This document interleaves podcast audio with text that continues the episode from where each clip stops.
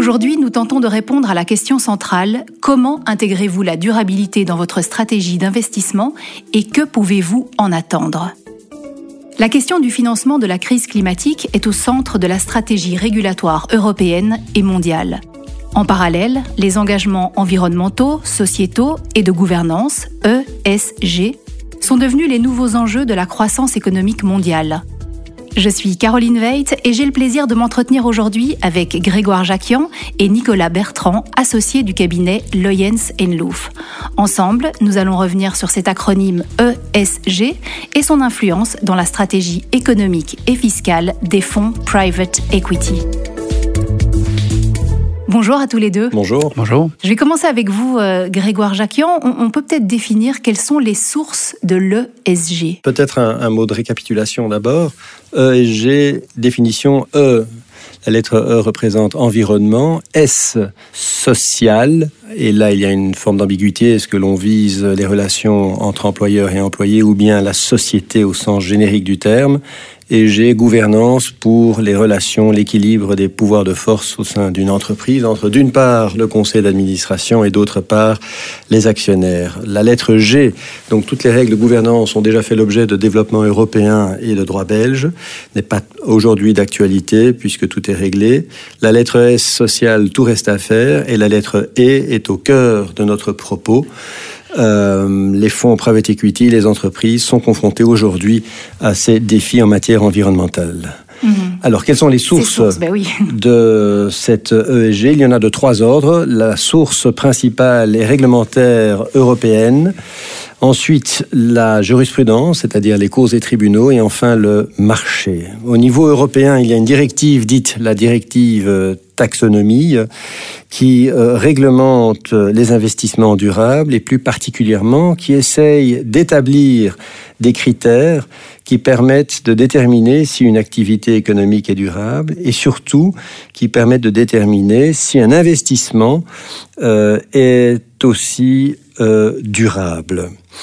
Plusieurs objectifs sont, euh, accompagnent cette euh, réglementation européenne, mais il est essentiel de relever ici que pour une fois, l'Europe est non pas à la traîne, mais est à la pointe du combat, puisque les Américains suivent les tendances européennes. Première source, donc, le règlement européen. Deuxième source, les cours des tribunaux. Deux décisions importantes sont à relever. L'une du mois de mai 2021, rendue par une juridiction néerlandaise qui a condamné Shell, la multinationale Shell, à respecter l'objectif du euh, protocole de Paris sur le climat et qui a ordonné à Shell, qui a condamné Shell à réduire de plus de 45% ses émissions en CO2 d'ici à 2030. Donc là, le pouvoir judiciaire a pris euh, la tête de ce combat environnemental et plus près de nous, euh, en Belgique, le tribunal de première instance de Bruxelles, quelques semaines plus tard, c'est-à-dire en juin 2021, a rendu une décision qui est tout à fait remarquable puisqu'elle a reconnu, elle a dit droit, d'une part que les autorités belges ne respectaient pas les objectifs climatiques internationaux, d'autre part que les autorités belges, que ce soit fédérées ou fédérales, euh, ne se comportent pas de manière prudente et raisonnable, et enfin euh, a dit pour droit que les entités fédérées et fédérales portaient atteinte au droit à la vie tel que consacré par la Convention européenne des droits de l'homme. Donc la deuxième source est une source de nature jurisprudentielle et la troisième source, c'est le marché lui-même, puisque le plus gros fonds private equity américain, le fonds BlackRock, a fait le tour de ses participations dans des sociétés cibles, elle en a plus de 1500, et s'est rendu compte que 240 d'entre elles ne respectent pas les objectifs climatiques. Et pour 25% euh, de ces 240 entreprises, elle a décidé de ne pas renouveler sa confiance aux administrateurs, et pour le reste, les a mis sous tutelle, et de manière encore plus extraordinaire, un petit fonds activiste environnemental américain est parvenu à obtenir la tête de 2 à trois administrateurs de la multinationale Exxon, qui fait partie des sociétés les plus lourdes en termes de capitalisation boursière. Donc trois sources, une source réglementaire européenne, la jurisprudence et enfin le marché lui-même. Maintenant qu'on a expliqué euh, les sources euh, de l'ESG, on peut peut-être en revenir au fonds euh, private equity et expliquer en quoi il respecte ces critères ESG. Alors, les, les fonds private equity ont schématiquement mis en place trois types de mesures. Euh, et l'objectif de la mise en place de ces mesures est d'accroître la valeur de leurs investissements dans les sociétés dont ils détiennent des participations. Première mesure, euh, leur politique d'investissement. Ils revoient fondamentalement leur politique d'investissement et ici aussi je vais faire un détour par ce méga fonds private equity américain BlackRock qui a euh, imposé de nouveaux indicateurs de performance fondés sur des normes et des standards et des recommandations d'ordre purement environnemental et donc découplés, déconnectés d'une rentabilité purement financière. Et ce fonds attache pour la première fois de manière expresse de l'importance à un nouveau concept qu'il reconnaît publiquement, à savoir le capital naturel, qui consiste en l'eau, l'air, le sol, le sous-sol avec les minerais et les forêts.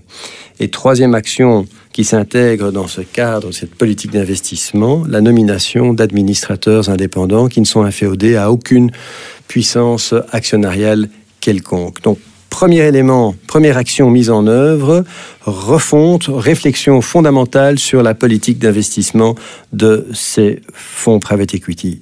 Deuxième action mise en œuvre, la politique de rémunération. Les dirigeants ne seront plus tant rémunérés sur la base de critères purement financiers, mais surtout et aussi sur la base à présent de critères climatiques. Et donc le respect de normes climatiques, d'engagement climatique, sera l'un des facteurs qui déterminera la hauteur de la rémunération des cadres dirigeants des sociétés détenues par les fonds private equity. Avec un paradoxe, certes, si une société s'engage à respecter euh, des normes environnementales, encore faut-il qu'un jour, elle respecte la troisième lettre de cet acronyme ESG, à savoir social. À quoi servirait de fabriquer de l'énergie verte si les panneaux solaires sont fabriqués par des petites mains exploitées dans un pays du tiers-monde qui ne dispose pas de législation protectrice du, du travail. Donc, deuxième euh, action mise en œuvre, changement des critères de rémunération. Et enfin, troisième changement mis en œuvre par ces fonds private equity, c'est le lancement fréquent, occasionnel, mais en tout cas très régulier, d'audits environnementaux.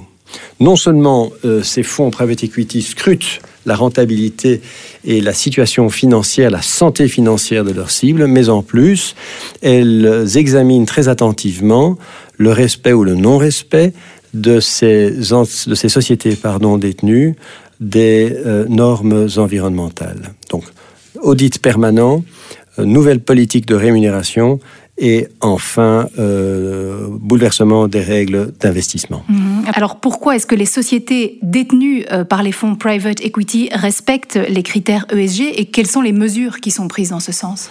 Mais de manière très logique, en, en amont dans l'investissement, les fonds private equity scrutent le respect des cibles et des sociétés dans leur portefeuille.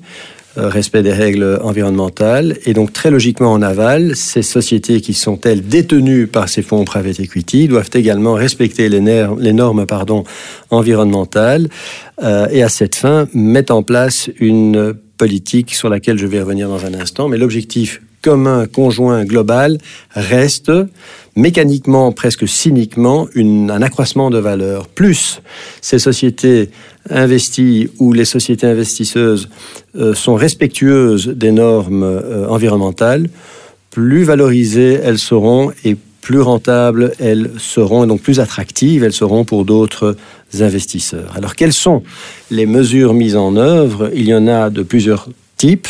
Premièrement, le conseil d'administration. Euh, des bouleversements interviennent au niveau du fonctionnement du conseil d'administration. D'une part, euh, la composition du conseil d'administration est en train de changer puisque siègent à présent ou devront siéger à très court terme des administrateurs dont la compétence et l'expertise en matière environnementale et bientôt sociale devraient être établie. À cet égard, la jurisprudence américaine est assez assassine pour les conseils d'administration qui n'auraient pas mis en place des compétences reconnues suffisantes dans ces matières aussi pointues que l'environnement et les normes sociales. Donc, première modification, la composition. Deuxième modification et changement pour ces conseils d'administration, l'obligation de rendre public à intervalles réguliers ou de manière occasionnelle des informations non financières. Jusqu'à présent, les sociétés rendent public leurs comptes, leur situation financière, mais depuis peu, certainement en Belgique et dans l'Union européenne, les entreprises doivent rendre public des informations non financières. Et parmi ces non informations non financières figurent d'une part des, obligations, pardon, des informations de nature environnementale et d'autre part des informations de nature purement sociale. Troisième impact, les choix stratégiques. Les sociétés doivent revoir globalement leur stratégie. Il est évident qu'une société qui fabrique des automobiles doit à court terme revoir sa stratégie et aller vers l'électrique. De la même manière, les producteurs d'énergie fossile doivent revoir leur euh, politique stratégique. Quatrième changement, et non des moindres, la mise en place de procédures de contrôle. Autant les fonds private equity scrutent les sociétés qu'elles détiennent, détiennent dans leur portefeuille, autant celles-ci, en première ligne et dans un premier temps, doivent elles-mêmes faire un audit permanent, des due diligence permanents de leurs obligations environnementales. Et donc, la combinaison de ces facteurs, de ces changements, euh, implique d'une part une réorganisation du flux d'informations au sein de ces sociétés, et d'autre part, et c'est essentiel, la détermination, l'allocation des tâches entre les membres du conseil d'administration et les cadres dirigeants pour que, à chaque moment, la société puisse établir qui est en charge de quoi dans la société. Mhm. Vous parliez d'audit permanent. C'est un audit qui doit être réalisé par une société externe. Comment ça se passe? Alors très souvent, ce sont des, des, sociétés externes et les cabinets d'avocats, à cet égard, jouent un rôle croissant puisqu'ils développent, et nous ne sommes pas euh, les derniers à le faire, bien au contraire, des expertises de plus en plus pointues en droit de l'environnement et en audit environnemental. Mhm. Alors vous disiez tout à l'heure que les normes sociales ou sociétales euh, allaient bientôt être respectées. Est-ce qu'il y a une échéance? Il y a plusieurs euh, échéances. Alors, en termes sociétal, rien n'est encore fixé, puisque, euh, d'une part, la lettre S de ESG couvre les relations, pour certains, entre employeurs et employés, et d'autre part, les règles de comportement social, ce que l'on appelle communément comme ou par la responsabilité sociale, la corporate social responsibility, la responsabilité sociale entrepreneuriale, qui tente à faire d'une entreprise un acteur mûr du tissu économique, qui n'est donc pas qu'une source de profit, un centre d'exercice d'activité, mais qui a un rôle communautaire, un rôle social à jouer, au-delà de toute autre considération euh, matérielle. Mhm. Alors nous sommes à l'automne 2021. Quelles sont les prévisions, les observations qu'on peut faire pour ces fonds euh, private equity? Alors il y a plusieurs observations et nul n'est évidemment prophète euh, en, en, la matière et encore moins en matière économique. La première constatation à tirer est que les acquisitions mues par des considérations environnementales vont s'accroître. D'une part, les cibles respectueuses des normes environnementales vont être plus attractives pour les investisseurs, et d'autre part, des cibles qui ont une expertise en matière environnementale vont également faire l'objet des convoitises d'investisseurs. Donc accroissement certainement du flux et de l'intensité des acquisitions.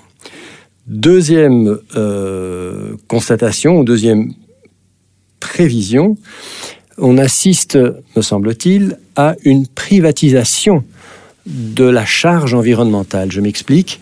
L'Union européenne a budgété à 500 milliards d'euros par an le coût des mises en normes climatiques, tant en termes de mesures pratiques à prendre qu'en termes d'investissement.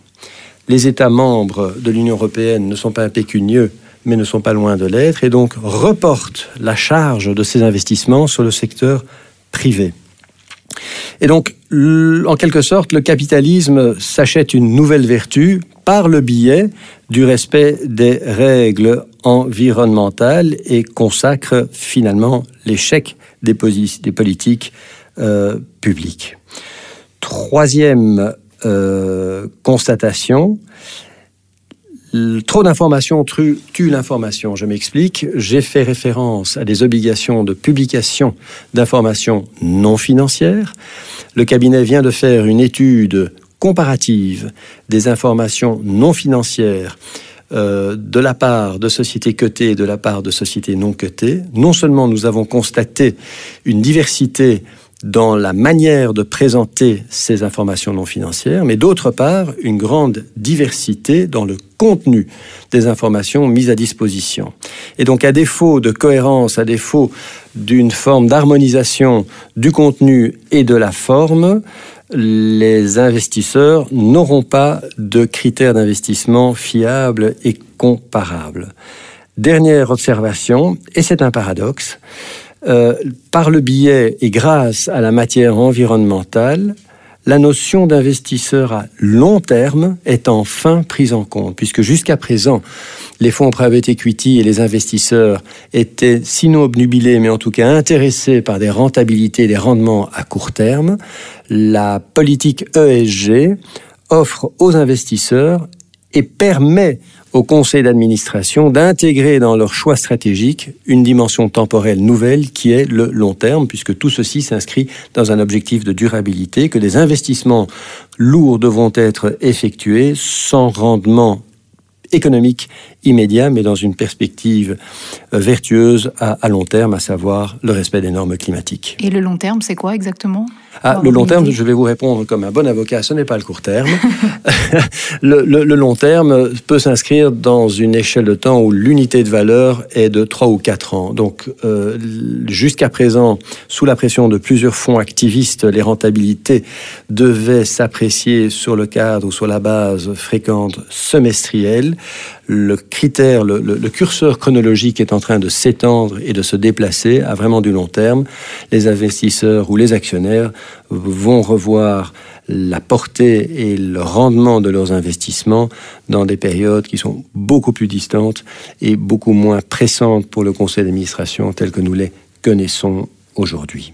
Merci euh, Grégoire Jacquian. Je me tourne vers vous, Nicolas Bertrand. On a beaucoup parlé de l'impact régulatoire et de l'activisme sur la stratégie et les investissements des fonds private equity. Alors, est-ce qu'il faut s'attendre à ce que les standards ESG impactent également leur traitement fiscal? Oui, certainement. Et peut-être euh, avant de répondre directement à cette question, peut-être aussi euh, souligner le fait qu'il n'y a pas de fiscalité sans, sans ESG. Quelque part, la fiscalité est un outil qui est utilisé depuis toujours pour répartir la richesse au sein de la société. Et donc, depuis que la fiscalité existe, la fiscalité est un outil quelque part de redistribution et qui est donc un outil qui a tout son sens euh, dans le cadre d'une politique ESG. Alors c'est sûr que Aujourd'hui, ces, euh, ces, trois lettres ont pris énormément d'importance et il y a une évolution significative qu'on constate déjà, déjà depuis environ euh, euh une bonne dizaine d'années, la crise de, de, 2008 qui a donné lieu à toute une série de, discussions, des, puis ensuite d'évolutions et de modifications législatives au niveau international, notamment au CDE, avec bien une pression médiatique et un changement dans l'opinion publique par rapport notamment à la fiscalité notamment aux grandes entreprises, aux multinationales, et qui donc se répercute sur les, euh, fonds de, private equity. Donc en réalité, euh, l'impact euh, de l'ESG sur la fiscalité, il est déjà existant depuis bien longtemps. Et ce que l'on constate aujourd'hui, c'est essentiellement au niveau des sociétés en portefeuille de ces fonds de private equity, où effectivement, il y a une prise de conscience que le euh, l'optimisation fiscale à tout va n'est plus, euh, plus de, de, ce temps, soit parce que le législateur a lui-même pris des dispositions, et là essentiellement dans un contexte international, soit tout simplement parce que les entreprises se rendre compte qu'elles ont cette responsabilité sociétale. Hein, en anglais, on appelle ça le fair share, hein, payer sa part juste ou sa contribution juste euh, à la société. Et donc, euh, notamment tout ce qui est gestion du risque fiscal s'invite maintenant euh, au conseil d'administration euh, des grandes entreprises et donc euh, par la force des choses, les fonds de private equity sont confrontés déjà aujourd'hui à l'ESG et certainement encore avec des évolutions importantes à venir. Alors justement, pour faire face à tous ces changements, quels sont les développements fiscaux pertinents en termes de structuration pour ces fonds en private equity? Alors, les, euh, les évolutions récentes euh, consistent notamment en des dispositions qui vont limiter, euh, la, notamment par exemple, ça devient un petit peu technique, mais la déductibilité des intérêts. Hein. Les fonds de private equity doivent bien financer les acquisitions. Ils le font avec les moyens qu'ils récoltent auprès de leurs investisseurs, mais bien souvent, ils vont également compléter par des financements qu'ils euh, qu'ils prennent auprès de, de, divers investisseurs sous la forme de prêts ou de, de, de financement externe. Euh, et notamment, euh, la déductibilité des intérêts maintenant est relativement limitée. Euh, ce sont des nouvelles dispositions dont les fonds de private equity doivent tenir compte pour notamment euh, optimiser, on va dire, les investissements à ce niveau-là. Et puis il y a un développement qui est assez récent, euh, qui vise principalement les fonds euh, de private equity qui sont euh, situés en dehors de l'Union européenne, avec une jurisprudence euh, assez euh, impactante, on va dire, au niveau de la structuration ce qui implique notamment pour ces fonds de private equity euh, non UE euh, de reconsidérer la structure d'investissement, hein, puisque euh, en pratique cela revient à devoir se poser la question euh, de chaque de l'importance et de la pertinence des entités intermédiaires qui sont utilisées par les fonds de private equity lorsqu'ils passent lorsqu'ils procèdent à des acquisitions, et donc toute la structure d'investissement doit aujourd'hui être revue, notamment en tenant compte de cette nouvelle jurisprudence européenne. Mmh. Donc on l'entend, il y a des conséquences qui sont multilatérales. Quels sont par exemple les points d'attention pour les managers de fonds face à cette nouvelle donne fiscale? Alors les managers de fonds, euh, ils sont déjà confrontés, euh, comme tous les contribuables d'ailleurs, à certaines évolutions, on va dire ESG dans la fiscalité euh, belge euh, par ailleurs. J'avais évoqué en, début de, de cette interview notamment l'impact qu'avait eu la crise de, de, 2008 sur toute une série de mesures. Ces mesures se reflètent aussi au niveau des, des contribuables avec un échange automatique d'informations entre les États membres, euh, d'ailleurs même entre les, États membres de l'OCDE. Et donc vous avez déjà toute une série de mesures qui euh, euh, apportent plus de transparence, plus d'informations auprès de l'administration fiscale. Notamment, on, a déjà entendu parler, euh, et vos lecteurs ont certainement déjà entendu parler également de la taxe Caïman euh, et des échanges euh, automatiques d'informations euh, dans le cadre euh, CRS. Eh bien, toutes ces informations sont utilisées maintenant par l'administration fiscale pour justement remettre en question certaines, certaines pratiques ou certaines mesures fiscales qui étaient utilisées par les managers de fonds. Euh, notamment je pense à leurs investissements personnels dans ces structures, où là, on remarque effectivement un développement assez important au niveau euh, des contrôles fiscaux euh, par rapport justement à ces investissements. Mmh. Donc on le comprend à travers ce que vous dites. La réglementation fiscale ben, ne peut évidemment laisser aucune partie indifférente, et donc logiquement, on se pose la question de l'influence de ces développements pour les sociétés portefeuille. Oui, pour les sociétés de portefeuille, effectivement, on est confronté à, euh, ou ces sociétés sont confrontées à, à, au régime euh, de l'impôt des sociétés, on va dire, ordinaire, et donc donc, comme je l'ai dit, il y a une série de mesures qui ont été implémentées en droit belge, notamment par rapport à la déductibilité des intérêts, euh, qui euh, un impact euh, certain, a un impact certain sur la fiscalité de, ces sociétés.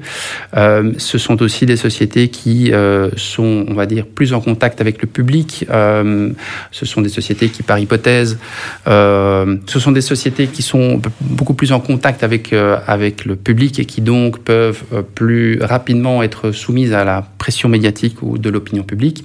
Et donc, ce sont ces sociétés-là qui vont avoir tendance justement à essayer euh, eh bien, de prendre en considération ce, risque fiscal, euh, non seulement pour éviter euh, des contrôles fiscaux, mais aussi pour avoir une politique de gestion de risque fiscal qui soit acceptable dans, dans l'état dans lequel elles, elles, prestent leurs activités. Mmh. ce qu'on peut constater malgré tout, c'est que dans un contexte belgo-belge, euh, le législateur n'a pas encore été très très ambitieux. Je pense notamment au E de ESG en matière de fiscalité environnementale.